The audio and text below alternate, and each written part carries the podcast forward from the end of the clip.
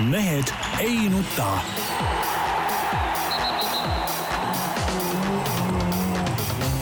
mehed ei nuta. selle eest, et mehed ei nutaks, kannab hoolt Unibet, mängijatelt mängijatele. tere päevast, on teisipäev, on äh, punkt kell üksteist, ei isegi üksteist null üks, nagu vaatame, Peebu kell vist küll on üksteist null null. ka null üks nii et äh, selle järgi oleme natukene täpsemalt ajagraafikus.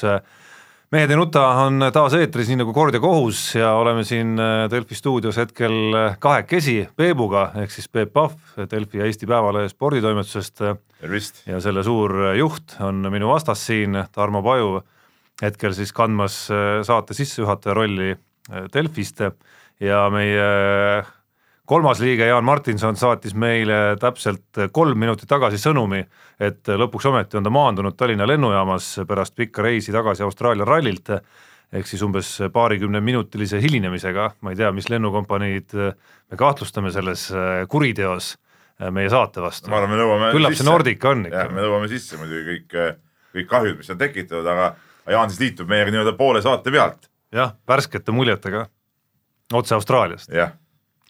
Samal ajal kui Jaan on nüüd noh, loodetavasti ta loomulikult ohverdab saate huvides selle, et oma pak-, pagasi jätab rahulikult sinna liinile rullima ja läheb, toob selle pärast ära, eks, ehk siis jookseb praegu nii kiiresti, kui ta suudab, ehk siis suhteliselt ei, ma arvan, ta kõnnib, ta kõnnib kiiremini, kui ta jookseb teadupärast nagu meil on siin saate võib-olla pikaajalised kuulajad teavad seda juttu, siis Jaan kõnnib kiiremini, kui tavainimene jookseb, nii et ta tuleb kõndides. ja et ta mitte ainult ei kõnni kiiremini, kui ta ise jookseb, vaid ta kõnnib kiiremini ka, kui maailma parimad jooksjad jooksevad. kui päris jooksjad jooksevad, ehk siis noh, ma ei välista, et ta isegi tänu mõnele ummikule, mis seal vahepeal on, suudab kõndida ka kiiremini, kui ta taksoga siia saaks, nii et põhimõtteliselt stopperid läksid tööle ja, ja loodame, et alla kümne minuti tal ei lähe, kuigi kahtlustan, et tõde siiski on natukene teistsugune. Alustame ilma temata, ralliteemad jätame saate lõpuosasse, et Jaan saaks oma värskete mõtetega, mida ta lennukites on saanud tundide kaupa mõelda ja, ja mingit alternatiivset absoluutset tõde siis tekitada Peebu arvamuse kõrvale. ei, mingi alternatiiv ei saa olla muidugi, tõde ainult minu suust. aga poliitminutid ja poliitikas on meil põnevad ajad valitsuskriis valitsuskriis ja, ja, ja kõigepealt muidugi püsti seistes aplodeerime äh, sellele, et, et sotside poolt siis ütleme siin see möll on päädinud sellega, et nende reiting on muutunud peaaegu olematuks. no see reiting, no, okay, pean küll ütlema, et ja, see reiting ja. ei kajasta kuidagimoodi seda praegust valitsuskriisi okay,. aga reiting on olematu ja see on nagu kõige kõige ütleme, no mulle sotsid põhimõtteliselt ei meeldi nende, nende meelelaad. täpsuse huvides olgu öeldud, et IRL-i või Isamaa reiting on juba ammu veel hullem. jah, aga et vähemalt on nagu ära kukkunud, aga mis on nagu ohumärk Eesti poliitikas, näitab nagu inimeste niisugust äh, seda nagu, kuidas lihtne on kärbseid pähe ajada, on siis see Eesti kahesaja tulek ja, ja ütleme üle valimiskünnise küsitluste järgi pääsemine, et et noh, saage nüüd aru, et seal ju mingit uut äh, uut jõudu tegelikult ei ole, et siin just avaldati ka nende parteiliikmete nimekiri, eks ole, ja seal on ikka väga palju endisi muudes parteides olnud tegelasi, et noh, rääkida siin mingist uuest puhtast lehest on muidugi tõeline kärbeste pähe ajamine.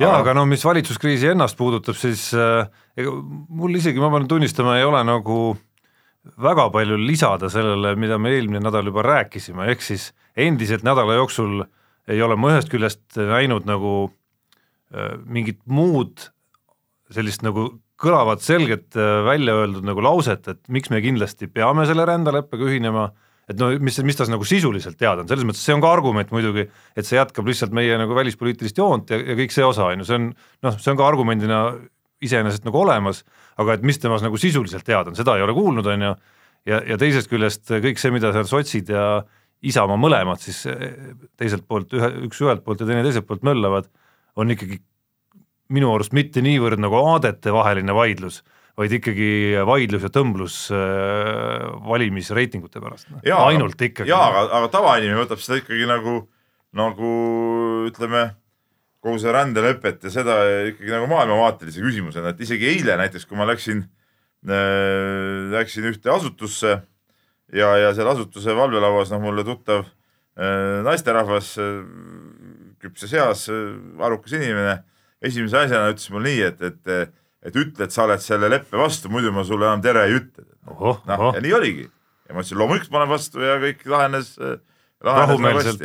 ja lahenes rahumeelselt jah, ja, ja loomulikult ma olengi selle vastu, et, et see näitabki, et no sa ei julge lihtsalt naisterahvale ei. ei no sa teadki, ma olen selle leppe vastu nagunii no, et, et aga see näitabki, ütleme tavalise inimese suhtumist sellesse, see ongi õige ja, ja see ongi, ütleme noh, ma siin äh, äh, lugesin ka seda portaali Uued uudised, noh, olen selle püsilugeja, eks ole, aga sealt ikkagi tuleb välja see, see rahva. ma võin öelda, see ei tule uue uudisena.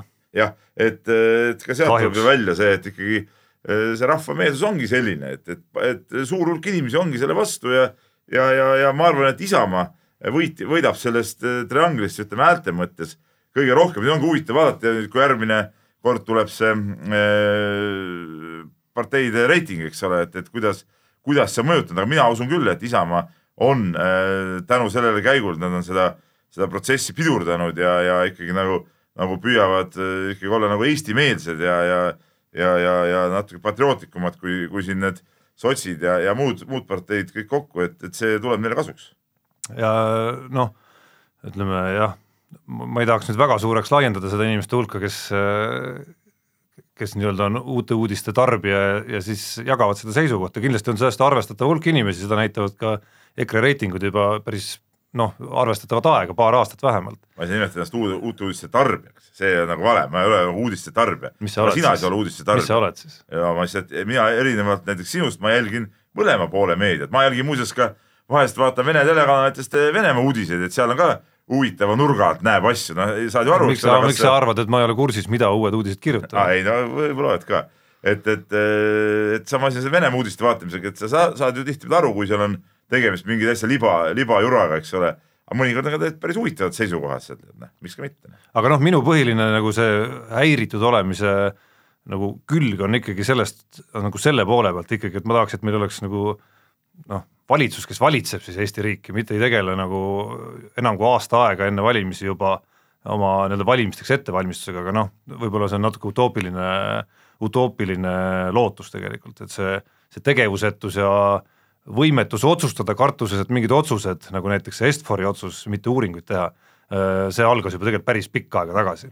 ikka hämmastab muidugi see, et Sven Mikser, kui ta oli ütleme nii palju puusse pannud selle temaatikaga, et et nädal on nüüd juba möödas ja ta ei ikka tagasi astunud. see, see on nagu kummaline. nii, aga läheme spordi juurde ja, ja läheme alustuseks äh, jalgpalli juurde, milles me oleme, milles äh, A oleme me spetsialistid loomulikult väga suured ja, ja milles B oleme me saanud üsna värske ja võimsa emotsiooni, ehk siis Eesti jalgpallikoondis lõpetas Rahvuste Liiga turniiri, lõpetas selle nelja punktiga, lõpetas selle kaotusega Ungarile ja võimsa võiduga Kreeka üle ja nelja punktiga ja D-liigasse kukkumisega. ma näen siin iroonia Võru su suu ümber, rõhutades kaks korda võimas emotsioon ja võimas võit, et no, sa ütlesid korra. et ma ma äh, nägin seda Eesti-Kreeka mängu äh, küll teist poolaega kuskilt poole pealt, me teadupärast olime siin alguses ralli stuudios selle väga koju sõita ja, ja, ja ma kogu selle, äh, selle aja, mis ma seda mängu vaatasin, no teine poolaeg oli seal jah natuke kestnud juba, kui ma hakkasin vaatama. mõtlesin kogu aeg selle peale, et huvitav, et ma spetsiaalselt ei viitsinud ka vaadata järgi, et kes meil selle värava siis lõi, eks ole.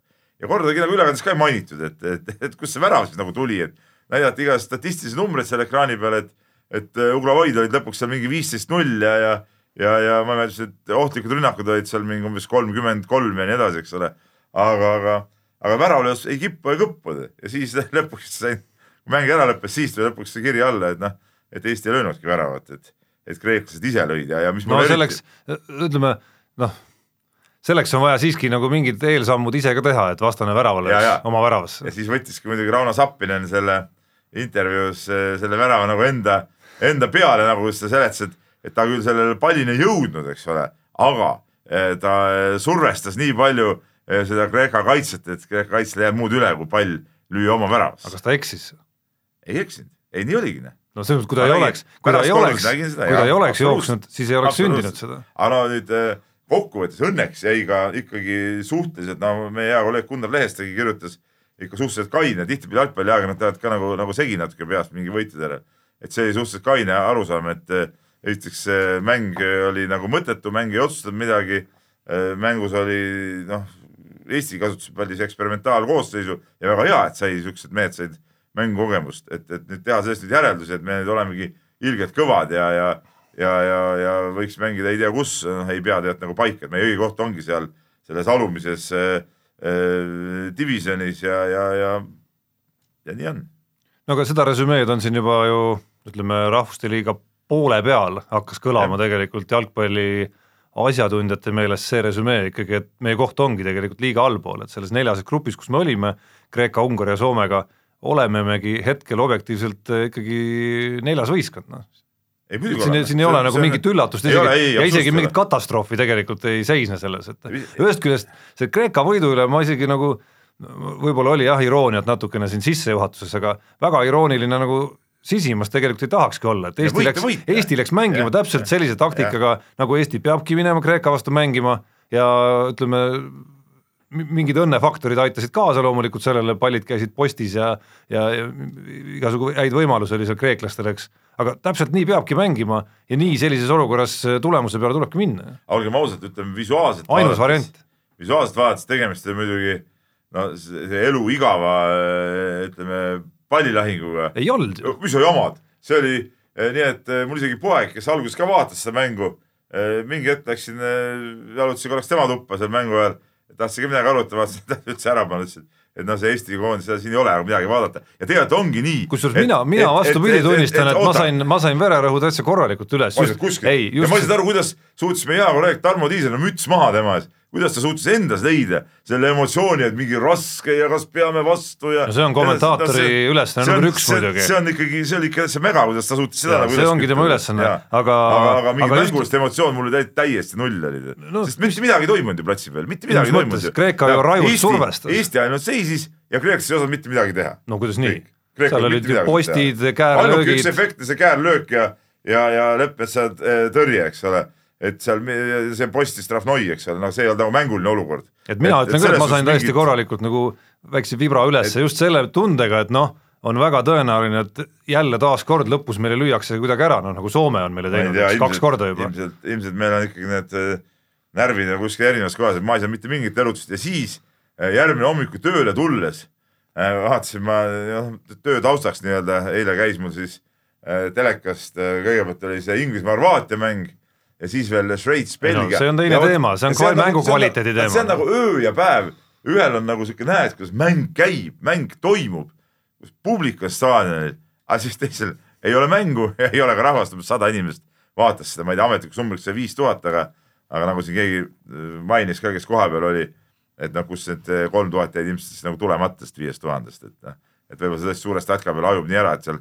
paar tuhat inimest võis olla, aga noh, tegelikult kogu seda asja oli ikka suht, suht pläss vaadata aga no mis nüüd äh, minu arust nagu küsimus number üks on ikkagi, et äh, äh, kui me läheme siin edasi, uued turniirid ja mängud on ju üsna pea jalgpallikoondisel tulemas, et üks debatt, mis siin püsti pandi nüüd eriti viimasel nädalal Argo Arbeiteri suu läbi, on see, et Eesti olekski pidanud sellises tsüklis, kus eriti olukorras, kus noh, üsna kiirelt sai selgeks, et ega me kuskil ei tõuse loomulikult selles grupis, on ju, olekski pidanud justkui nagu järelkasvule rohkem andma mänguaega midagi sellist nagu korvpallikoondis on siin äh, teinud viimastes tsüklites, tsüklites küll olude sunnil no,. me teame, et see on nagu olude sunnil. küll olude ja. sunnil, eks.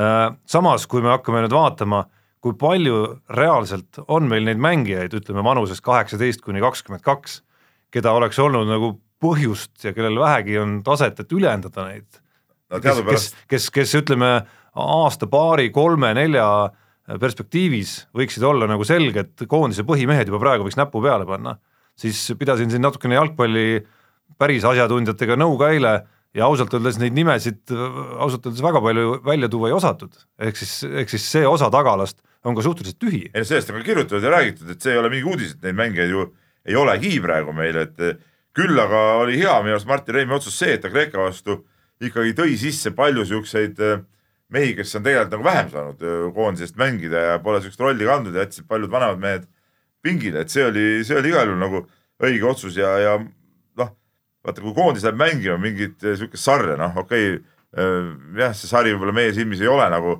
ei oma mingit erilist väärtust, eks ole, et ta on sihuke nagu natuke kõvemad kontrollmängud nii-öelda või sõprusmängud, aga ta on ikkagi sari ja koondis läheb välja, siis loomulikult nad lähevad ikkagi mängima nagu maksimaalselt hästi seda. Et, et loomulikult tuleb kõik paremad kutsuda koondisse, aga, aga ütleme, kuna neid mänge oli siin lühikese perioodi jooksul päris palju, siis loomulikult see koosseisuga varieerida, võib-olla oleks võinud rohkem. teisalt jälle noh, ja ma saan Martin Reibist ka aru, et, et loomulikult ta läkski püüdma maksimumtulemust ja, ja läkski nende meestega, kellega ta kavatseb nüüd minna ka ikkagi, ikkagi järgmises valiksarjas, noh et, et kui meil ei ole mehi võtta, siis ei ole ja, ja, ja nii on.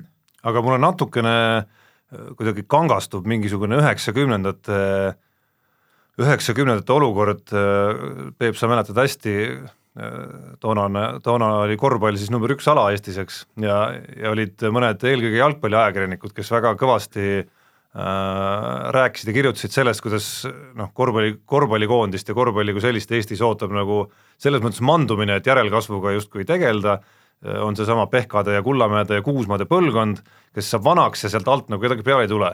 Äh, eks, eks see tekitas kõvasti valulisi reaktsioone, omavahelise hõõrumise ja noh, mis seal salata, tagantjärele, eks neil oli oma, neil oli päris palju õigus loomulikult, mida ma arvan, nii mõnedki korvpalliajakirjanikud võib-olla ütleme, ekslikult ei võtnud ikkagi omaks ka, vaid vaidlesid seal rohkem ütleme, mitte siis, mitte, mitte, mitte asjatundjana ei, ei vaieldud, eks ole, vaid oma ala fännidena. Yeah aga nüüd me oleme natukene jõudnud nagu sarnasesse olukorda vastupidi, kus jalgpallis, kuigi me ühest küljest nagu noortetöö ju käib, tohutud hulgad noori on äh, nagu jalgpalli usku pöördunud, aga me näeme, et väga olulises vanuseklassis tegelikult selliseid tõelisi talente peale Mattias Käidi, kes on kahjuks ka vigastatud väga kõvasti viimastel aastatel, äh, ei ole nagu tulemas tegelikult. et on küll seal kuskil viieteist-kuueteistkümne aastaste seas mm -hmm. paar, paar vähemalt, kes, kes äh, tundub, et kellest võiksid tulla väga säravad äh, tegijad, aga noh, öelda praegu viieteist-kuueteistaastase kohta, et see tõesti saab teoks, noh, võimatu. nojah, aga eks see, eks see Eesti valik on ka selline, et ega, ega me ei saagi arvata, et meil peab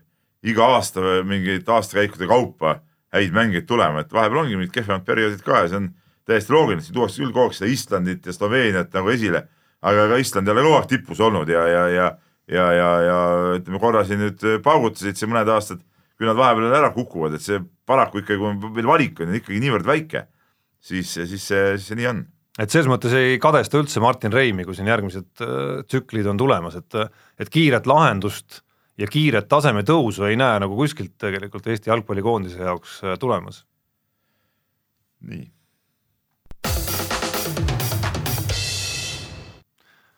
Läheme kiire vahemängu juurde ja selle alustuseks teema, mis kindlasti meeldib väga äh, Peebule, ehk siis igasugu uuendused erinevatel spordialadel on Peebu meelisteema äh, ja antud juhul käib jutt, käib siis jutt veel alast, mille muutusi, ma usun, Peep eriti veel on oodanud kaua aega, ehk siis kergejõustik, milles siis tahetakse arendada välja sellist eraldi haru, kuidas see kõlas, dünaamiline yeah. kergejõustik yeah,, yeah. dynamic athletics või midagi sellist kõlas see jah, kus siis toodakse mängu igasugu kelkudega jooksmised, kuulijänni viskamised, duellhüpped ja nii edasi, nii edasi no,. Äh, ja see pida-, ja see pidavat olema siis äh, selle, selle visiooni loojate sõnul ikkagi nagu noh, sisuliselt hoopis teine tera võrreldes klassikalise tuhande viiesaja meetri jooksu või kuulitõukega.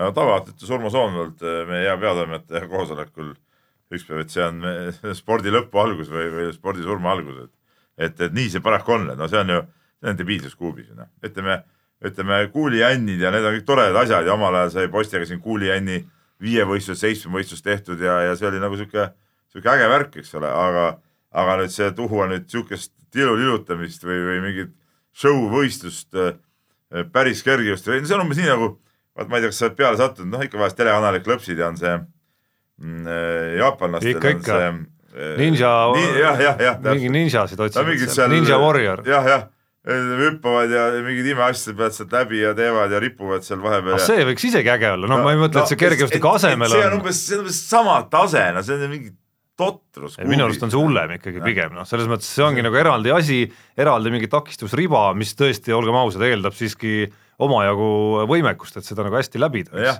kuigi seal mõned teevad ka pulli, vaata on siuksed, tead mingid pool naljavärgid.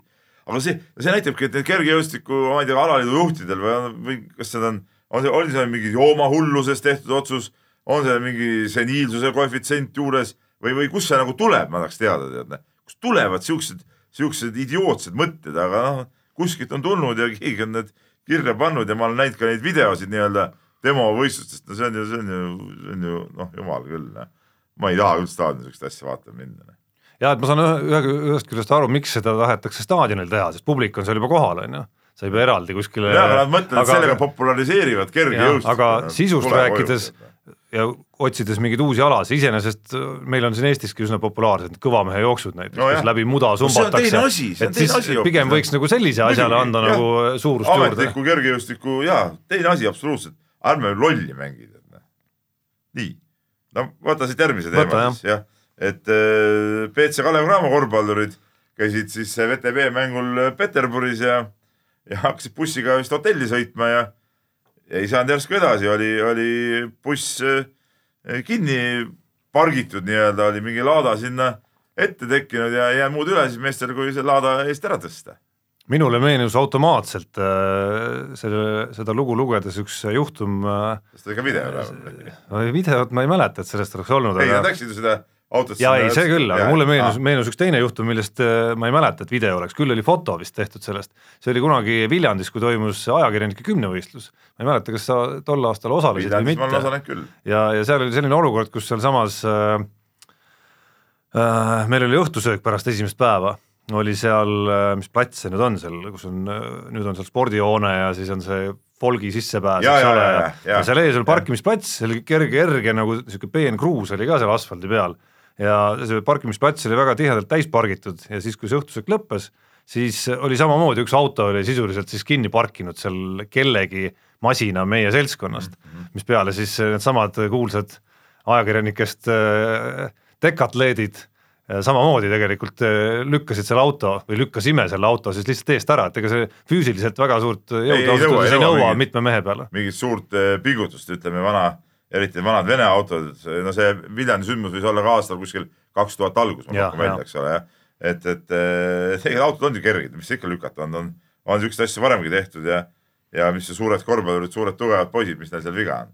suts auto eest ära ja, ja sõidab buss edasi. et ma imestan, et seal anti see, et seal kuidagi kui ma videost õigesti vaatasin, siis isegi oma seljahädadega omajagu kimpus olev Kristjan Kangur vist pani käe külge, kui ma nüüd sellest hämarast videost sain õigesti aru et minu arust seal oleks pidanud nagu väga selgelt tegema Madis Soodla ja kes sealt altpoolt veel äh, härra Sibul, eks ole. esiteks proovib Soodla üksinda. ja Soodla, ütleme, ütleme neid peenikese käsivarsi vaadates, seal oleks muidugi oht olnud ütleme käte purunemisel, et noh, seda ei oleks. no see on Kalevi jaoks väiksem ohver kui Kristjan Kanguri selja rebenemine. seda ka ei ole vaja, et noh, et neil on tarvis, et mees oleks ikkagi, ma ei tea, kas kipsis kätega tohib minna sinna pingi peale istuma, et, et, et noh, hoiame ikka mehe tervena noh aga noh, ütleme seal on ju teenindavat personali küll ju seal. Priit Lehismets, eks ole, kõva jooksumees, no mis tal seal lükata, tahaks lihtsalt selle autoga minema joosta sealt, tead isegi käik sees on, tead noh. et siin ei ole mingit küsimust. Noh. aga noh, Kangur on see vanakooli mees, tugev mees, vaatas, mis siin on, tõstame ära seda. vahetame teemat äh, ja võib vist öelda värise Peep, sellepärast et Äh, sinu ja, ja ühtlasi ka meie suure konkurendi Postimehe leeris on toimumas äh, kaadrimuudatus, ehk siis lahkunud äh, või, või kuidas korrektne oleks öelda isegi, vastastikusel kokkuleppel lahkunud Ott Järvela asemele on Postimehe sporditoimetust minemas juhtima Marten Kaldvee, endine tipplaskesuusataja ja, ja üsna värskelt tegelikult Laskesuusa Föderatsiooni peasekretäri kohale asunud mees. Mis ma oskan kosta, tead, et ma nagu otseselt nagu värinat praegu ei tunne, vaata, et ma võib-olla nii tuim tükk, et mul ei tekkinud värinat seda jalgpalli vaadates ja mul ei tekkinud värinat ka Martin Kaldvee tuleku pärast. see on mingi vanuse teema ikka. võib-olla ka vanuse teema jah, ma ütlen ära, et tuimestunud, aga noh, et ähm, eks nainegi ütleb kodus, et sa oled tuim tümikas, eks ole, et noh, et, et noh, nii on ilmselt, aga. huvitav aga..., et mingitel teemadel see tuimus nagu kaob ära ikkagi. toimet-, toimet-, toimetuses on kohatud, seda küll. jah, mõnikord kaob ära jah, aga, aga mis puutub Martin Kaldveet, siis jah, noh, huvitav valik, ma ei oska nagu midagi ütelda, et natuke teeb, kuidas ma ütlen, noh, Martin Kaldvee endaga vestlesin ka, ma saan, noh, tema enda jaoks on see ka väga huvitav väljakutse ja, ja ma mõistan nagu, miks ta võib-olla tahtis täitsa teise valdkonna peale minna, teisalt jälle äh, mäletades seda, et kui vähe ta jõudis olla nüüd siis laskesuusatamise föderatsiooni peasekretär ja seda ala vedada ja kui suurte plaanidega ta sinna läks, siis noh, ja, ja kui ta ütleb, et ta teeb, võtab vastu otsuseid siin mitte lühikeses perspektiivis, vaid siin isegi viie-kümne aasta perspektiivis, siis natuke paneb muidugi õlgu ehitama, et, et kui neli kuud ühes kohas öö, oli nagu siis nii-öelda see pikk perspektiiv, et mis siis nagu seal, mis seal siis lehes ees ootab, noh, ma ei tea. ma ei taha väga siin konkurendi ütleme tegemisi kritiseerida, noh, see oleks nagu kohane, eks ole, et ma olen alati seda meelt olnud, et esiteks ajakirjanikud ei peaks üksteist väga palju eh, niimoodi siin kritiseerima, kui, kui just nüüd väga suurt häda käes ei ole ja teiseks ei peaks ka konkurent konkurenti avalikkuse ees, me võime omavahel rääkida mida iganes ja, ja arutada ka konkurentidega, ei peaks väga, väga nagu rappima, et noh, aga no eks see natuke paneb õlgu ehitama, see otsus jah. ja no mu emotsioon on selles mõttes sarnane, et ei keskendu niivõrd Postimehele, vaid keskendub eelkõige laskesuusatamisele, et äh, mulle meenub siin äh, talvisest perioodist just olümpiamängude ajalt äh, meie olümpiastuudio, kus kus Martin Kalve mu enda kutsel käis siinsamas kõrvalstuudios Eesti laskesuusatamise ja maailma laskesuusatamise küsimusi arutamas ja ma ei saa salata, et et tema mõtted jätsid väga sümpaatse mulje tegelikult, nii need, mis eetris kõlasid, kui ka need, mis pärast eetrit siinsamas maja ees kõlasid. et seetõttu mulle tundus uudis tema äh, laskesuusa peasekretäriks, laskesuusaliidu peasekretäriks asumise kohta nagu selline lootusrikas. et, et, et mul pigem on nagu pettumus, et nüüd on see ala, mis kuidagi on äh, selle ala, ütleme siis äh, ülemaailmset äh, rolli vaadates äh, kuidagi Eestis olnud nagu noh, ma ei teagi, mis õige sõna on, nagu vaeslaps ikkagi natukene ja mis vajaks kuidagi organisatoorset mingisugust äh, sammu ülespoole ja arengut ikkagi, et, et see on nüüd jälle tagasi kuskil, kuskil seal, kus oldi aasta tagasi. no ma ei tea, kas on tagasi seal, võib-olla saadetakse asemele sama väärikas inimene ja, ja, ja kõik on, kõik on okei okay,, noh, et, et tegelikult oli eelmine nädal, Martin Kaldur ise ütles seda, et, et juhatus koguneb, kus tema küsimust nüüd arutatakse. võib-olla nad seal leidsid juba ka öö, vastava tegelase. ja Martin on sisenenud. toimumas grand entrance aga, aga äh, Jaan tule istu rahulikult maha, me siin räägime asjast edasi. käed taskust ära ja, ja nii edasi, aga jätta laud ka paika. ma ütlen, et, et, äh, et selge see, et laskesuusatamisringkonnad, nii palju kui ma olen nendega rääkinud, on sellest otsusest ikkagi pettunud. et see on nagu selge. Siia kiire vahemängu vahele ei saa ütlemata jätta, Jaan, et kuidagi aeglaselt jõudsid sa siiski lennujaamas siia, arvestades, millist käimiskiirust oled sa aegade jooksul reklaaminud. ja jalgsi jah tähendab, ühesõnaga ma, ma tahan siin nüüd teatada, et, et see meie Nordica või mis asi ta iganes ka on, et miks me, me aimasime? isegi ütlesime välja selle. nii, et minu usalduskriis on täiesti, täiesti nullis. et ma olen põhimõtteliselt kaks, kaks viimast lendu teinud, eelmine kord lagunes lennuk sootuks ära ja siis mind saadeti kuskilt pärapõrgu kaudu siia Tallinnasse umbes kuus tundi hiljem ja nüüd muidugi nad ei suudanud, ei suutnud kuidagi seda kütust sinna lennukisse pumbata. käisid nagu tropid seal, laiutasid käsi ümber, ümberringi ja pool tundi jäi hiljaks lennuk. ilma kütuseta tulid siis kohale või? ei no ma ei tea, kuidagi pärast said, ma ei tea, valasid võib-olla seal ämbritega miski. aga ei, no põhimõtteliselt noh, kui see Nordica omadega pankrotti läheb, siis mina igal juhul aplodeerin, aplodeerin selle peale. Omadele keeratakse. nii palju, kui ma kuulsin Nordicaga igaühel jama, et ma olen ise ka päris palju sellega lennanud, aga hui, hui, hui, mul ei ole nagu veel probleeme olnud, tead, aga no mina kuni eelmise aasta või tähendab selle aasta jaanuarini olin ka selles leeris, et, et mis asja te räägite, et küllap neil tegelikult on neid asju nagu teiste lennukompaniidega nagu võrdselt kogu aeg, et, et et minu kogemuses Nordica või varasemalt Estonian Air ei, ei eristunud kuidagi, aga ütleme siis jaanuarikuine puhkusele sõit. Ahah, see oli sul päris klassika. mis algas sellega, et lend Tallinnast lihtsalt jäi ära, noh andis siis mulle ka selle kogemuse kätte ikkagi. aga Jaan, sa jõudsid õigeks ajaks kohale selles suhtes, et äh, oleme kiire vahemängu juures jõudnud äh, täpselt selle hetkeni, kus kaks rallipunkti rallipunkti on järjest, nendest esimene puudutab siis seda, kuidas Toyota rallitiimi baasis Soomes Puupolas, tuhande kolmesaja elanikuga väikelinnas, äratasid siis Toyota rallitiimi töötajad hommikul kell pool kuus kogu väikelinna signaalitades üles, pärast seda, kui Toyota oli kindlustanud endale äh, meeskondliku või konstruktorite karika. No aga see on ju mõistetav.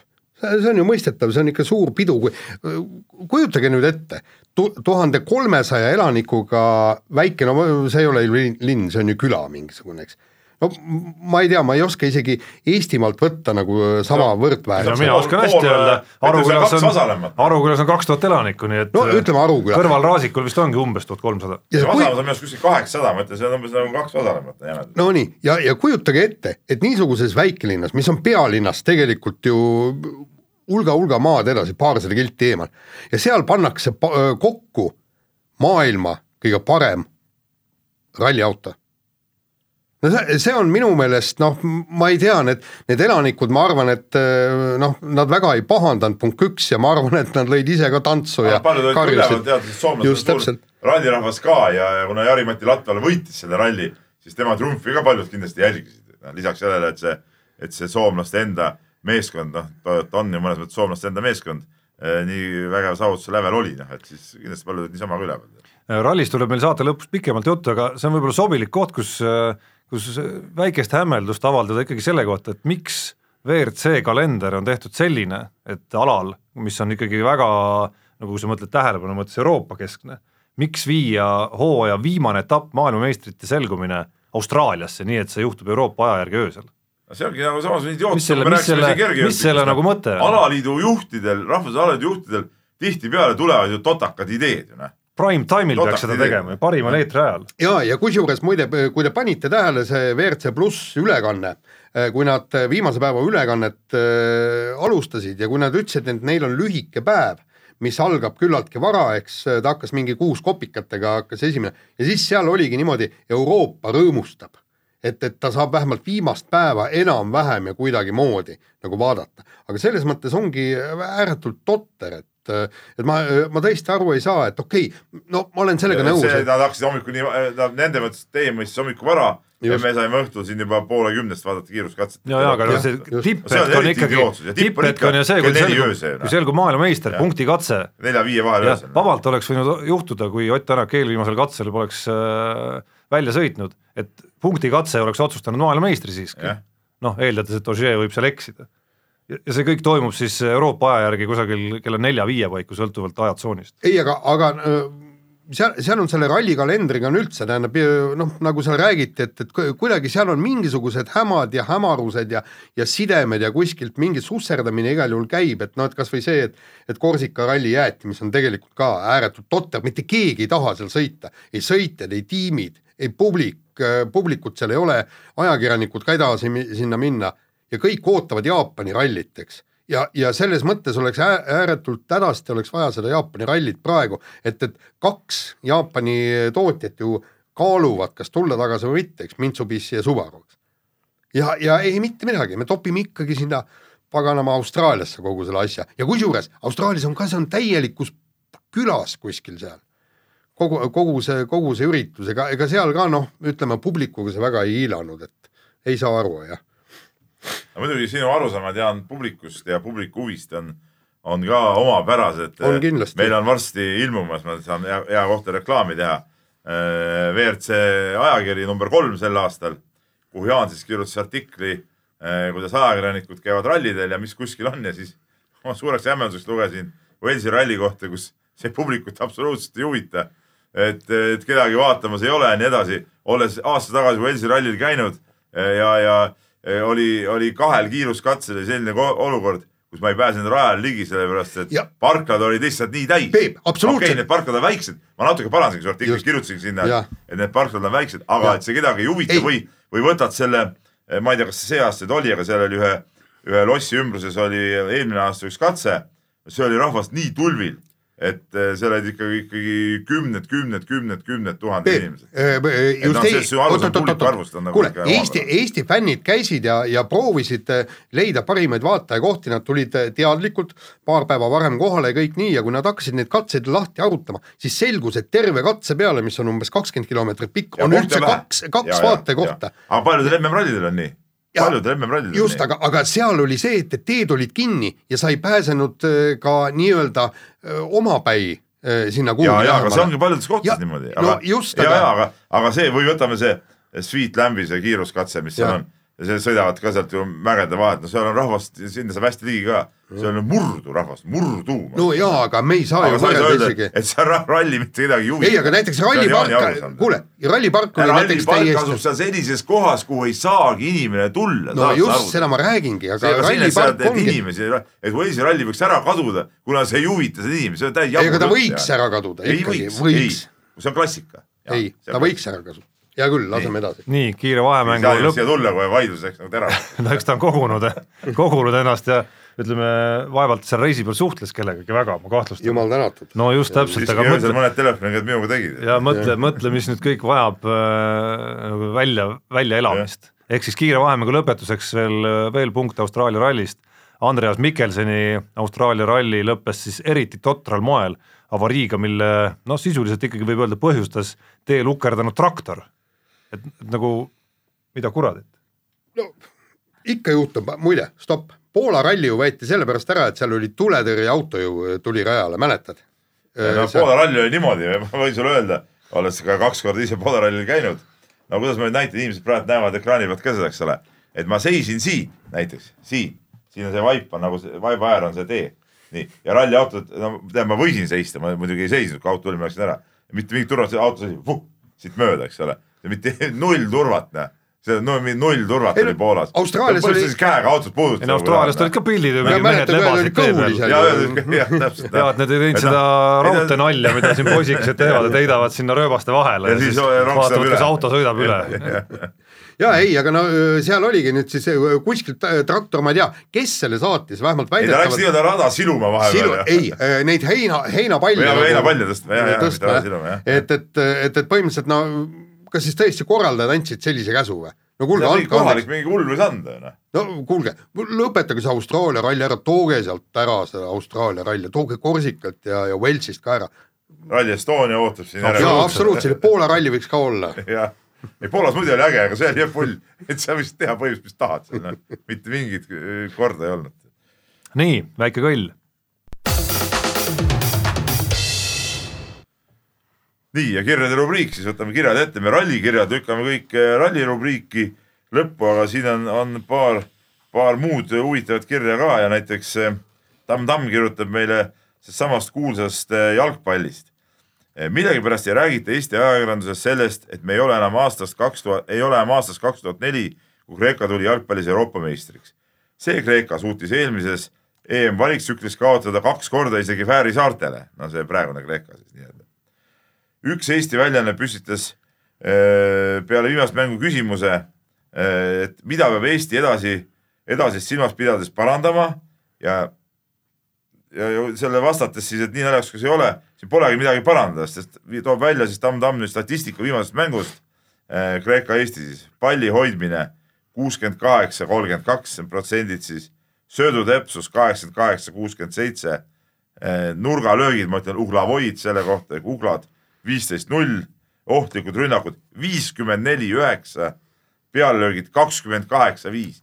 ja kui nüüd võistkond, kes äh, kaotas äh, Fääri saartele, äh, niimoodi domineerib Eesti üle siis lööb kuidagi hädise oma värava, et, et, et Tamm-Tammi küsimus ongi, et kas Eestil võib selliselt mängides veel mõne riigi vastu olla viigi või võidu võimalus üldse te olete vist jalgpalli lahanud siin küll. ja, ja lah, põhjalikult kohe.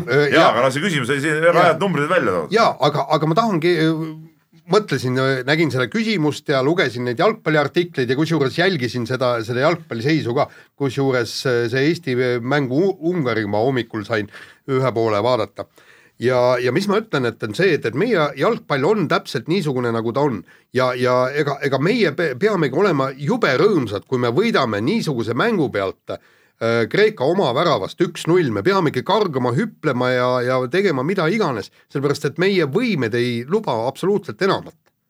ja kui me nüüd kukume sinna absoluutselt sinna D-gruppi ka, et noh, seal, seal on vähemalt hea olla, sealt ei kuku välja et, et paraku jalgpall on seal saab peaaegu omasugustega mängida. just, aga ma ta, esiteks tahtsin tuua kohe paralleeli korvpalliga, et ega korvpall on ka üsna samasuguses seisus, me peaksime olema õnnelikud iga võidu üle kõikides neist vali, valikmängudest, küll aga korvpallis on see tulevik küllaltki helgem, sest ma jälle loen, kuidas, kuidas siin mingisugused vennad siin kuskil Saksamaa, ma ei tea, X-liigas küll, aga ikkagi otsustavad mänge ära ja, ja kõik, et siit on noori peale tulemas. jalgpallis seda juttu me juba rääkisime.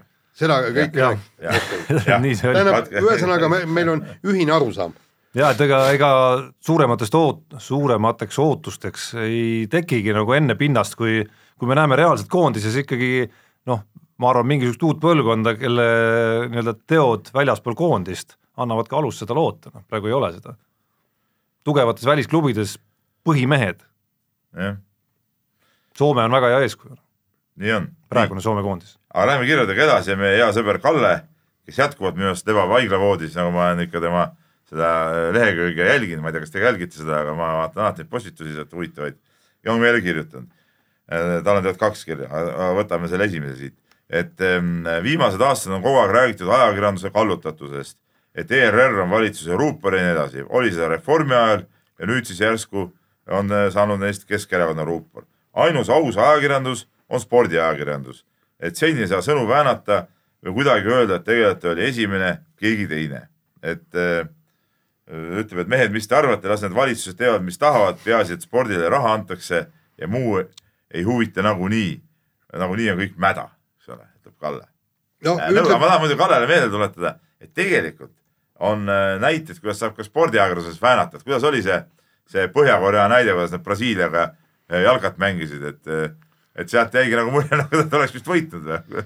no eile õhtul ma vaatasin just ETV pealt äh, Vene trollivabrikutest äh, filmi, ma ei tea, kas sa Peep ma, ma ei saa, ma pidin kahjuks tööd tegema, ma tean, et oli, ma kavatsen järgi vaadata. mismoodi nagu Jaa. peenemalt, kui seal Põhja-Koreas nagu tehakse Jah. ütleme, valeuudiseid siis, eks, et noh, spordis annaks äh, sellises suletud ühiskonnas annaks muidugi ka igasugu ägedaid asju teha. kuulge, tegelikult on spordiajakirjandus mõneti ka ikkagi, võib öelda, et, et kallutatud, sellepärast et on selge, et, et oma ala poolt ollakse, teatud ajakirjanikud on oma ala poolt noh, väga, väga kiivalt ja, ja noh, ei taha midagi öelda, et jalgpall on üks niisugune näide, ega korvpall ei, absoluutselt, me siin enne rääkisime, ma tõin ise selle näite, kuidas üheksakümnendatel eelkõige jalgpalliajakirjanikud kütsid seda, et Eesti korvpallis on nii-öelda nagu järelkasv puudu ja korvpalliajakirjanikud pigem äh, noh, läksid nagu kaitsepositsioonile siis nii-öelda korvpallifännidena, mitte kui, kui ajakirjanikena selles vaidluses, noh et ega see on, see on noh, põhimõtteliselt iga ala, iga ala puhul niimoodi. jaa, aga, aga meil on pa- paraku see, et, et Eesti on nii väike ja, ja ikkagi ajakirjanikud on ka kellegagi kuskilt seotud ja siis nad peavad, noh, ma just eelkõige mõtlen siin poliitikat, et peavad kirjutama nii, et siis nad saavad infot ja kiru-, kirjutavad naa, lähevad tülli, kõik igasugused jamad tulevad ja noh, aga noh, nii palju on Kallel muidugi igal juhul õigus, et äh, vähemalt on kuskil sekundid, punktid, väravad, noh, mingid asjad Ja et neid muuta., kui Põhja-Korea välja arvata, siis siis äh, muus maailmas ikkagi, kus me õnneks elame, neid ei vääna kuidagi. kuigi Mati Alaver on küll püüdnud, ei, ma mäletan ka seesama see jah, see Aivar Pohlaku näide oli ka ju, et noh, on võimalik, on võimalik väänata. et kes ründas, aga noh, pärast sai seis kuus-null on ju, et see on tõesti. Viis-null või viis-null jah Jah. nii, aga üks kiri veel, see Damon Space on meile kirjutanud ja eh, lähtub siis meie mingis saates räägitud jutust, et eh, kus me ajakirjanikele tihtipeale, kuidas ma ütlen, nagu piinlik või ebamugav küsida tihtipeale sportlaselt ühte ja samuseid küsimusi ja, ja, ja a la, et mis tunne on ja ütleme nagu otseselt nagu midagi küsida polegi. eriti see puudutas ka nagu see ralli konteksti, eks ole, Jaan, kirjutasid sellest ka normaalse kommentaari, mille peale üks äh, konkureeriv noormees, kes peaks tegelikult rääkima sinu kõrval alles siis, kui, siis kui kana pissib, võttis ka siin äh, suu vett täis ja, ja tegi mingi vastujuttu, aga no sellest olla. et ähm, äh, hoopis äh, tehakse meile huvitavaid näpunäiteid antakse, et tegelikult võiks, kui ei ole midagi asja küsida, võiks küsida hoopis siukseid huvitavamaid küsimusi. et a la, et eh, mis kell on sportlase käest, kuidas suhtud kooseluseadusesse või kella keeramisse, kas usud jõuluvanasse või päkapikkudesse ja kui vanad sa esimest korda seksisid näiteks? No kuule, kumb on parem, kas Rammstein või Katy Perry ja nii edasi ja nii edasi, et oleks nagu, oleks nagu huvitavam. No,. kes teist läheb esimesele rallile, Monte Carlosse? mis sa arvad, mis, näiteks kuidas Ott Tänak reageeriks eh, küsimusele, et ähm, kui vanad sa esimest korda seksisid? no ma arvan, et äh, kuidas nüüd võtta, väga lahkelt, ma arvan. äh, jah, kindlasti väga lahkelt, aga, aga mis ma nüüd äh, või tahan öelda, Kangur näiteks. muide va,, vaadake, kogu, kogu asi on ju aga millal, millal sa ise seksisid, küsib vastu. jah, ja, jah, jah, sellega vestlus lõppenud. ei, aga ma, ma lihtsalt tahan öelda, et, et kõik need küsimused on, kogu probleem on see, et, et me, meie sportlased on, on sellised, nagu nad on nende vastajatena, sealt ei tule mitte midagi ja selles mõttes ongi piinlik küsida, et sa tead, mis vastus sealt tuleb või mis vastus sealt tulemata jääb. kui me võtame nagu legendaarseid, kui me läheme nüüd rallisse, eks, et le legendaarne äh, rallisõitja vähemalt jutu poolest äh, oli ju Urmo Aava ja temalt võis tõesti kõike küsida ja ta selgitas väga, võtame Jari-Mati Latvala. kui, kui, kui tal tuleb väga ilus ja selge analüüs pärast igat kiiruskatset ju tegelikult. On kuidagi nagu Latval, vaata kuidas asjad muutuvad. et ta Latval hakkab vaikselt- tampinud, tampinud. ei, ei jutumees on, positiivse ei Latvala, aga Latvala nagu- räägib tõesti väga hästi, peab ütlema, see on müst- see on müstika tegelikult, kuidas kohe pärast etappi finišis on võimeline, on keegi võimeline nagu niimoodi rääkima tegelikult. sest näiteks aga temal on see emotsioon alati sees ka, tead, sihuke, sihuke vägev. oma, omal ajal, kui võtame suusatamist, eks ükstapuha, mida sa äh, Andrus Veerpalult küsisid, et äh, tema ikka vastas, et pole paha ja Jah. ja, ja kõik, samas jälle Kristiina Smugi- Smigunilt sai seda emotsiooni küll välja pigistatud ja, ja Aivar Rehemalt ja kõik, et, et siin on sportlases sportlases kinni, aga praegu meil noh, nagu ma, ma ei oskagi öelda, kas niisugust kuldsuud meil on. no Gerd Kanter annab ju väga ilusaid vastuseid, temalt No kahjuks ka ta lõpetas karjääri., kahjuks lõpetas karjääri, jah no.. ma tahaks ühe korrektuuri teha ikkagi, et äh, ma arvan, et see küsimus, mis tunne on, okei okay,, võib-olla selles sõnastuses tõesti niimoodi väga laadnana, aga see ei ole tegelikult ju halb küsimus, see, et saada teada, mis, mis emotsioonid sportlasel on, ma arvan, et see ongi üks nagu olulisemaid küsimusi tegelikult, mida, mida vaatajad siis tahaksid teada. küsimus on nüüd, kuidas sa selle, mis vormis sa selle nagu täpsemalt kätte saad, on ju. et see küsimus, mille sa tõid rumala küsimuse näitena, oli ju pigem hoopis teisest ooperist ikkagi, ehk siis äh, antud juhul vist oli see, et äh, kuidas mõjutab Priini äh, probleemid, kuidas Priini probleemid mõjutavad siis äh, sinu tiitlivõimalusi, noh noh, see on nagu fakti küsimus No põhimõtteliselt on ju, no see on, see on ilmselge, et need rikkusid ära Ott Tänaku võimalused. kusjuures Ott Tänakult ju, ju, ju tegelikult on, küsiti seal ju noh, ma ei liialda, kui ma ütlen vähemalt viiskümmend korda küsiti kõik, et mida sa, kuidas sul see tiitlivõimalus, kuidas sa näed oma tiitlivõimalusi kõik. Ja ta sai ju sedavõrd pahaseks, et ta hakkas isegi seal nii-öelda WRC plussis juba ütlema, et kui kaua te minult seda küsite ja läheb umbes kaks kiiruskatset mööda ja põmak jälle täpselt samasugune küsimus. no andke inimesele rahu, andke inimesele rahu. sellises kontekstis, sellises kohas eelkõige äh, noh, võiks võib-olla mingid äh, nii-öelda lahtisemad küsimused natukene olla, et, et ta saab rääkida siis natukene sellest võib-olla, mida ta on valmis rääkima sel hetkel, on ju. Kuigi kuigi teine, teine värk on päris pull, see on sama hea kui Teine peale igat eh, korvpalli, peale igat korvi näiteks või kui mees tuleb vahetusmeeste pingile, võtame kohe intervjuu kiirelt, et aga minu arust teine äärmus, mis on juhtunud, on äh, korvpalli Euroliigas, kus on siis vaheaja intervjuud ja mängujärgsed intervjuud, kus siis on antud kätte kõikidele nendele klubidele ja nende klubide juures olevatele siis mingitele persoonidele, kes neid intervjuusid teostavad, kes tihti ei ole üldse nagu küsijad, paaris kohas on niisugused asjatundlikud tüübid, Kaunases näiteks, on antud ja Venemaal ka kusjuures on antud siis kätte mingid stampküsimused, eks, ja siis kü- küsitakse neid iga kord Jah. ja ainult iga kord ühtemoodi seal on päris hea stampvastused Jaa, on muidugi on mängijatel samad. kogu aeg olemas, et ja treeneritel. et No see on nagu jah, nii, aga lähme nüüd edasi, sest kell on juba oi-oi, üksteist oi-oi, päris hull, me siin Peebuga enne saadet muretsesime natukene, et Jaan on see põhiline saate aja täis rääkida tavaliselt. et kas venitame välja ikka nii kaua, kuni Jaan kohale jõuab. ei ole me oskusest ka kuhugi kadunud, ütleme nii. ühesõnaga räägime korvpallist natukene ja, ja ja tõesti peame seda kiiresti tegema, ehk siis äh, BC Kalev Cramo korvpallimeeskond äh, pärast seda, kui siin üks üsna kole kaotus tuli Tallinnas Saratovi autotoorilt, kus noh, kaitset sisuliselt ju, ju ei olnud. seal oli kaks korda kaotatud järjest, see VEF-i kaotus ja Autotori Just, kaotus järjest, eks ole. Äh, pärast seda ütleme nii, on ikkagi ree peale saanud VTB liigas ehk et äh, okei okay,, Peterburi seniidile küll kaotati viimane mäng, aga sinna vahele mahtus äh, kaks võitu ja, ja need ei olnud üldse mitte halvad võidud neist teist, ehk siis eelmise teisipäeva õhtul Kalevi spordihallis äh, Poola esiklubi üle, hetke esiklubi üle saadud võitu käisin ka ise kohapeal vaatamas ja pean ütlema, et et sain päris hea emotsiooni.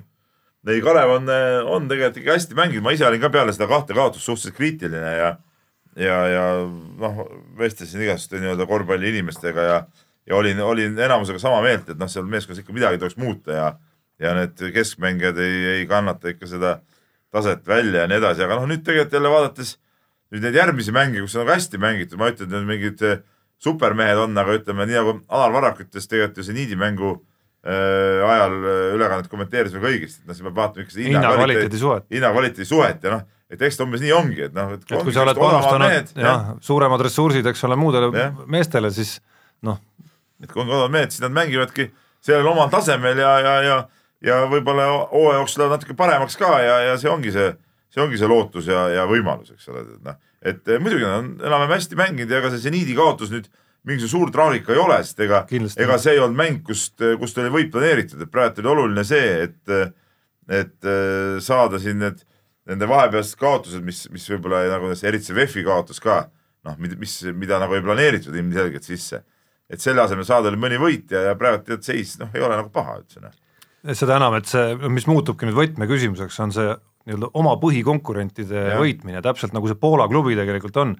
see ei olnud üldse halb klubi, et äh, kui ma läksin saali, äh, noh, suurema eelteadmiseta tegelikult, et äh, kes seal täpselt selles Poola klubis mängivad.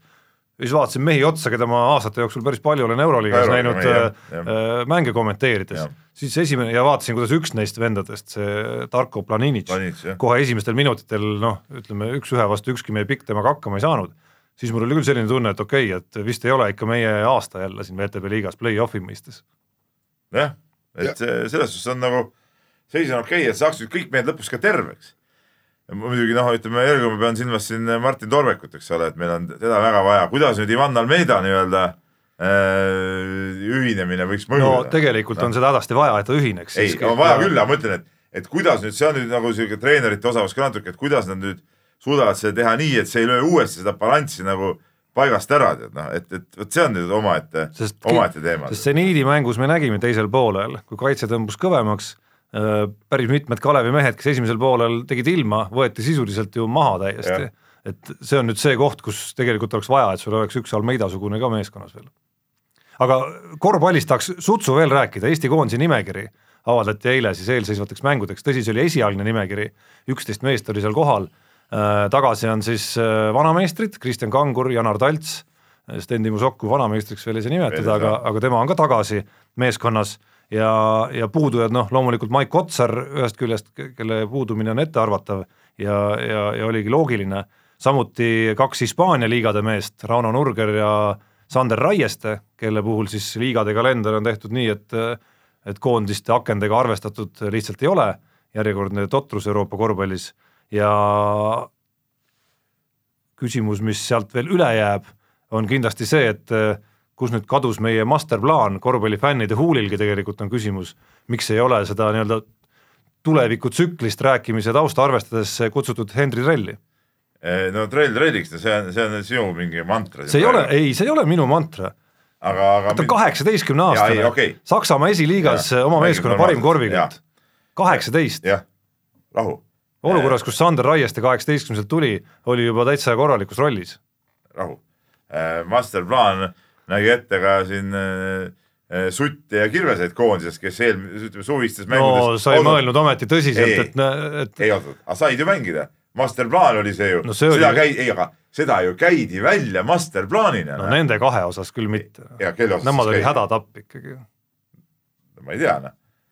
kes nende asemel siis on siis? No nende asemel on mehi küll, selles mõttes on põhimehed, eks ole, aga näe, et seda nagu mitmed mehed on puudu ju. jaa, aga no neid mehi ongi tegelikult ju vaja, keda, kes, kes meil koondise tagasi tulid, Jõesaared, Kitsingud ei, ja nii edasi aga mind imestab, et mees, kui me räägime sellest äh, me- kolme-nelja-viie aasta perspektiivist, mees, kes tegelikult selles, nendel järgmistel suurturniiridel peaks idee järgi olema ikkagi küll koondise põhimees, Henri Trell, miks, miks talle seda nagu ülendust tehtud No, ei ole, kui teistele kaheksateistkümne aastastele selles vanuses tehti juba? No võib-olla siin on mingid, leitakse, et ei ole küps veel võib-olla. ma olen niimoodi Alar Varraku jutust ka aru saanud, et, et veel ei ole, veel ei ole aeg sealmaal, kus ta peaks koondisse kuuluma, noh. et, et selles suhtes, mis puudutab nüüd nagu noori mängijaid, tõsiselt noorte kasutamist, siis siin ma tegelikult Alar Varraku silme ja arvamust usaldan küll, et ma paljudes asjades võin temaga mitte nõustuda, aga, aga see on küll üks asi, kus ma teda kindlasti usaldan ja, ja ma usun, et ega nüüd, nüüd trelli ei jäetud välja sellepärast, et meeskonda meelega nõrgemaks muuta. no ma tahaks seda põhjendust veel kuulda ja loodan, et äh, Peep äh, üsna varsti toob selle, toob jaa. selle põhjendusega lugejateni. aga tundub, et meil on ülim aeg Lase- minna, lase minna ära kiirelt ja- ralli juurde, tahtsime siin äh, paari teemat veel mainida, noh esiteks kiidame Saaremaa võrkpalliklubi, kes oma debüüthooajal eurosarjas pääses kohe järgmisse ringi ja siis tema etta-etta Eesti jäähokikoondislasele Marko Kettunenile, kes suutis olla nii rumal, et anda positiivse dopinguproovi võistlusjärgse vist isegi või? jah, neljaks aastaks on tema jaoks nagu asi otsas.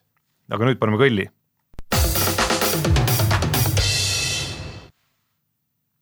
Austraalia ralli lõppes, rallihooaeg lõppes, Jaan on tagasi, mõelnud lennureiside jooksul kõik need asjad nüüd äh, välja, mis tegelikult äh, ja kuidas asjad tegelikult on. räägi, kas Ott Tänak peaks olema uhke või tundma hok-, okast hinges? äh, mõtlesin tükk aega sellele küsimusele, kindlasti on okas hinges. tähendab äh, kui, kui sa oma kiiruse ja, ja statistika poolest peaksid olema maailmameister, tegelikult oled kolmas. sa oled või, võitnud ülekaalukalt kõige enam kiiruskatseid, sa oled ülekaalukalt juhtinud äh, rallis äh,, kiiruskatsetel rallisid, ülekaalukalt kõige rohkem. Sul on täpselt sama palju võite, kui on maailmameistril, sul on sama palju poodiumikohti, kui on maailmameistril, eks ju. aga sa oled ikkagi kolmas, et see on kindlasti on okas hinges ja, ja peakski see okas hinges olema. samas muidugi noh, eks ta peaks olema ka uhke just sellesama statistika peale, et äh, ta näitas ära, mis masti mehega ikkagi on tegu ja teist aastat järjest.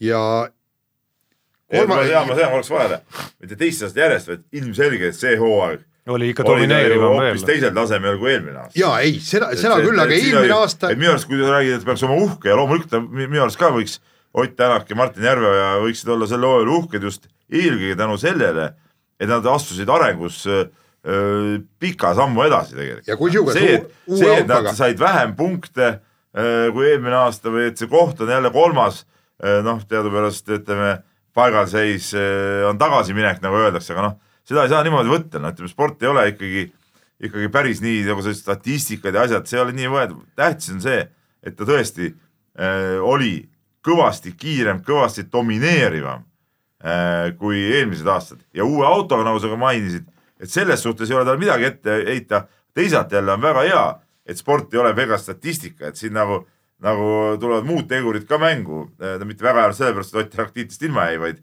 vaid et see teebki nagu spordi nagu huvitavaks ja ja, ja põnevaks, noh et, et siin need muud, muud nüansid ongi, et, et sa lugesid küll ette need, need kiiruskatse võidud ja asjad, aga näe, rallivõite sama palju kui maailmameistril, eks ole, poodiumi kohti sama palju, et, et need üksikud väiksed võidud alati ei pruugi tähendada seda suurt edu lihtsalt. kusjuures jällegi. siin on see tehnika nüanss tuleb ka mängu väga palju. ja, ja üks, üks statistika jälle, mida ei ole muidugi tehtud, on nii-öelda vead, mis Eh, mis viivad sind eh, hetke, hetkeseisust tahapoole.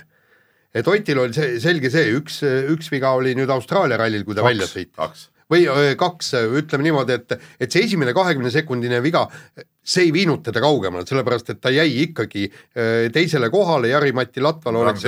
teiseks. ja, jah seda küll, aga noh, tähendab seda ei saa võtta nagu otsustava peale yeah.. nii, üks oli Rootsi rallil, kui ta Miigiga küljed kokku pani, kui ta hakkas Miigist mööduma. see, see on ka nii ja naa, eks, et, et seal, et, et kas Miik oleks pidanud teed andma, Ott hakkas seal võib-olla kõige ebasobivamas kohas mööda minema, okei okay., sealt andis paar kohta ja, ja, ja kolmas on jällegi kas oli või ei olnud, eks äh, seesama Kataloonia ralli rehvi purunemine, eks, et äh, väidetavalt oli rehv defektiga, samas oleks Ott võinud seal kurvis ka lõikamata jätta, eks. et, et nii-öelda kaks pool viga ja, ja üks, üks suurem viga. kindlasti Osier tegi rohkem neid vigu, et, et, et jällegi ku, ku, kuidas see asi saab ikkagi niimoodi olla, aga jällegi jäi tehnika taha. Osier tegi mulle otseselt meenub ka praegu mingi kaks viga sellist umbes. et ega ta ikka väga eks nad lõpuks. ei no ta pani, no okei okay,, ta, ta pani juba esimesel äh, rallil pani ju, sõitis kraavi, aga sealt ta sai õnneks välja äh, Monte Carlos. ei no mis, me räägime sellest, mis, mis viisid teda tahapoole selgelt. Aga... et, et oli, äh, oli ju, üks oli ju see seal äh, Türgis, eks ole, kus ta pani vastu puud ja seal üks varasemas faasis oli ka üks ralli, kus ta ja kus ta vist üldse katkestas. jah, vot väga, väga nagu. jah, Portugalis, ja ka mingi kaks tükki, mitte rohkem. jah, just, aga, aga, aga jällegi andis ju äh, Malcolm Wilson meile, meie heale konkurendile äh, andis intervjuu ja kus ta, kus ta ütles äh, väga selgelt. andke Ott Tänakule konkurentsivõimeline auto, mis peab vastu ja see poiss tuleb maailmameistriks. ja jumalast õigesti, Toyota muidu oli natuke pahane, palus mul tõlkida seda ja noh, mitte Tommy Mäkinen, aga seal teatud inimesed ja, ja, ja nad olid natukene solvunud, kuidas, kuidas niimoodi öeldakse, et noh, teise tiimi suhtes, aga nii on. kolm korda tuleb sulle auto põhjaplaat alt ära, noh, või öö, lööb radiaator katki. ei muidugi, selle ja sinna taha ju tegelikult see ja, ja, ja, ja sinna, sinna ju läkski tegelikult see tiitel. noh, eks me teame, neid tiitleid on ju tehniliselt, no võtame legendaarne, kuidas Tomi Mäkinen tuli ühe korra maailmameistriks Gordon Saitsi Carlos Sainzi katkestamine sisuliselt, mis seal oli, paarsada meetrit eh, finišini ja oleks kõik korras olnud, aga ka tehniline eh, Just. aps, et see ongi, see ongi tehnikasport, ma ütlen midagi, midagi ei ole teha, no see ongi tehnikasport. jah, aga, aga, aga jällegi, et no kuidas nad ei saa seda põhjaplaati, okei okay,, ma saan aru, et, et sul on seal mingi öö, totaalne viga on seal mootoris või, või käigukast laguneb või kõik niimoodi, see põhjaplaat on ju pagan kruvidega sinna kinni aga võtame Jari-Mati Latvala, kaks korda generaatori jama pärast. Jah,, kaks korda, jah, jah. et, noh. võib ju ka ütelda, et poleks seda neid olnud, oleks olnud ka hoopis suuremat mängus sees. ja ei muidugi, et noh, et see on, see on tehnikasport ja ma ütlen selle üle, siin takkajärgi jääda nutma eh, ei ole nagu mingit mõtet minu arust, et siin mõtteks oleks üldse vaadata tegelikult ju, ju ette, mis, mis saama hakkab., just tegelikult No kes- ongi see no aga-, tulekski ära unustada see kõik see Jah. jamad ja kõik see hooaeg hakata vaatama tõesti ainult ettepoole. nii, aga küsimus number kaks, kes on kaks tuhat üheksateist tiitlisoosik number üks, no Ožeer või Tänak? no nii palju, kui Või mina oota, nii palju, kui ma seal rallipargis inimestega rääkisin, raudselt üks vasta-, vastus igalt poolt tuli, Ott Tänak. miks? aga põhjus on see, Toyota on praegusel hetkel kõige kiirem auto ja Ott Tänak on selle autoga harjunud sõitma ja ta on näidanud ära, et ta on selle Toyotaga väga kiire kõik on absoluutselt veendunud, et äh, ka Citroen on kiire auto ja Ogier on ka kiire võidusõitja, aga nad peavad selle paketi kokku panema. Nemad lähevad ju esimestele rallidele teadmatuses, Ogier ei tea ju tegelikult, kuidas see auto käitub. Monte Carlos, Mehhikos, Rootsis, ta ei tea, ta Samas- läheb samas- aega. samas- samas oota, Otil ei avaldanud just. mingit mõju ju. et Ott Ott näitas põhimõtteliselt esimesest rallist. ei, ta ei olnud nii Oli. kiire, kui ta oli, võta, võta esimene pool ja no võta Monte Carlo spetsiifiline ralli, Jaan, sa tead väga ja ei, ma tean jah. aga ja ta, oli ju seal juba ju poodiumil. Ja sellepärast oligi poodiumil, et see on spetsiifiline ralli, sa äh, saate aru, kui Ogier tõesti kohaneb selle autoga ruttu, selge see, et see, siis läheb nende kahe mehe vahel tõsiseks võitluseks, sa küsid, kes on eelistatumas olukorras praegusel hetkel, täna. ja sest See- ja sellepärast ongi. ta on, Just. ta on kauem sõitnud, aga noh ma ütlen nii, et, et tegelikult äh, minu arust on tulemas ikkagi äh, nagu erakordselt huvitav hooaeg, sellepärast et äh, esiteks äh, noh, Osee on, ma arvan, parema auto peal, kui ta oli see hooaeg. ma arvan, Citroen on parem, kui Ford oli. Citroen on näidanud isegi nende äh, ütleme, pooleterameeste sõitid, sõi-, pooleteramehed sõitsid ennast äh, sellega poodiumile mitu korda, eks ole. Citroeniga, nii Priin no kui, mitte, kui mitte Ötsberg., mitte poole tera mees, kui finišisse jõudis, jõudis päris kõrgetele kohtadele, Täpselt. Miik on ju. et, et, et ta on parema auto peal. Teiseks noh, ma ei tea, mis sellest Neuvillist saab, et kas tal nagu äh, aju võimaldab äh, hooaja kokkuvõttes olla kõrges mängus, aga kindlasti on ta sihuke vend, kes äh,, kes neid rallisid järjekordselt hakkab nagu võitma. noh. see Hyundai on väga hea auto, väga hea mees seal roolis. see hooaeg näitas ka ju tegelikult, eriti hooaja esimeses pooles, noh, võib teha imesiit seal, eks ole, nii. ja võtame nüüd seesama Toyota meeskonna no Ott Tänakust me üldse ei räägigi, kindlasti supervend, aga ma veel kord ütlen, Latvala, vaatamata Jaan sinu arvamustele, igal juhul ei ole mitte mingil juhul kehva ja, ja ka Chris Meek, kes on tegelikult ju gigakiire ja kui ta suudab tõesti nüüd enda ajus nii asjad sättida, et ta teel püsib, siis ta võib olla isegi Otile üks ohtlikumaid konkurente tiimi seest kohe. ja ei, selge, kõik, kõik sul on õige. väga huvitav, väga huvitav saab olema, viis, vähemalt viis ja, ja, ja muidugi sihuke must hobune on veel lappi selle Citroeni peal, aga noh, see, noh, see vast sinna suurde mängu järgmine aasta ikka ei sekku. aga ma pakun, et viis meest on tegelikult ikkagi väga huvitavad jälgida. ei kindlasti, aga, aga just, et kui küsimus oli, kes on äh, suursoosik, siis vastus on Ott Tänak ja, ja, ja Osierist ja Miigist ja öö, me võime praegu rääkida, aga me tahame kõigepealt näha me teame, et ta on kiire, kuidas nad kohanevad Toyotaga, kõik muu niisugune asi, kusjuures öö, rääkisin just Toyota öö, peainseneriga, ta ütles, et, et see on tegelikult oli ka tõesti hämmastav, et, et kuidas see, kuidas Ott selle autoga kohanes, aga, aga ta ütles ka, et, et ega alguses oli meil hoopis teistsugune auto.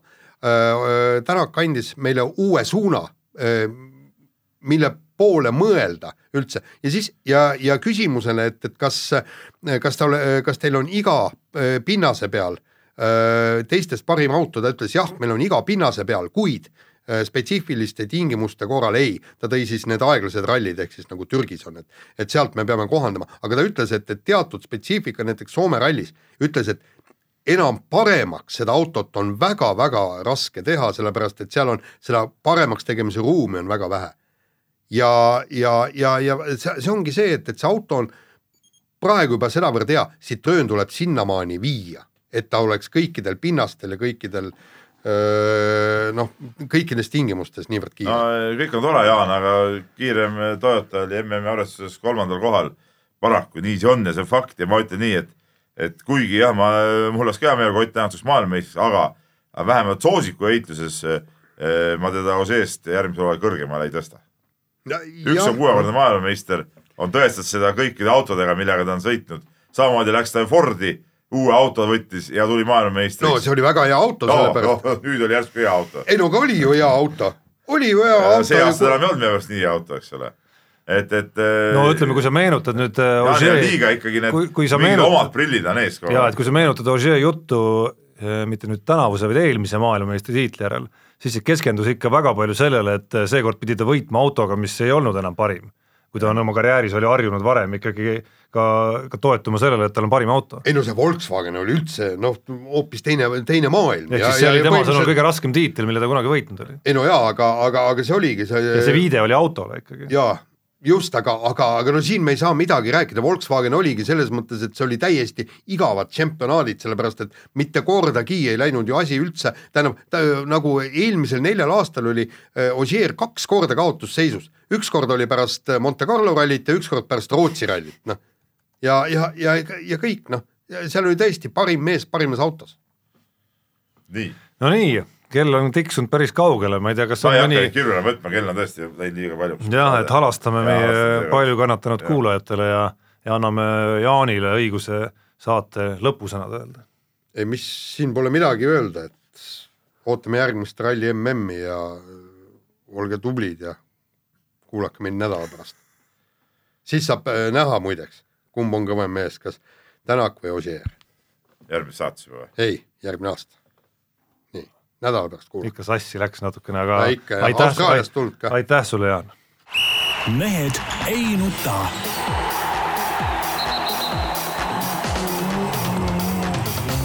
mehed ei nuta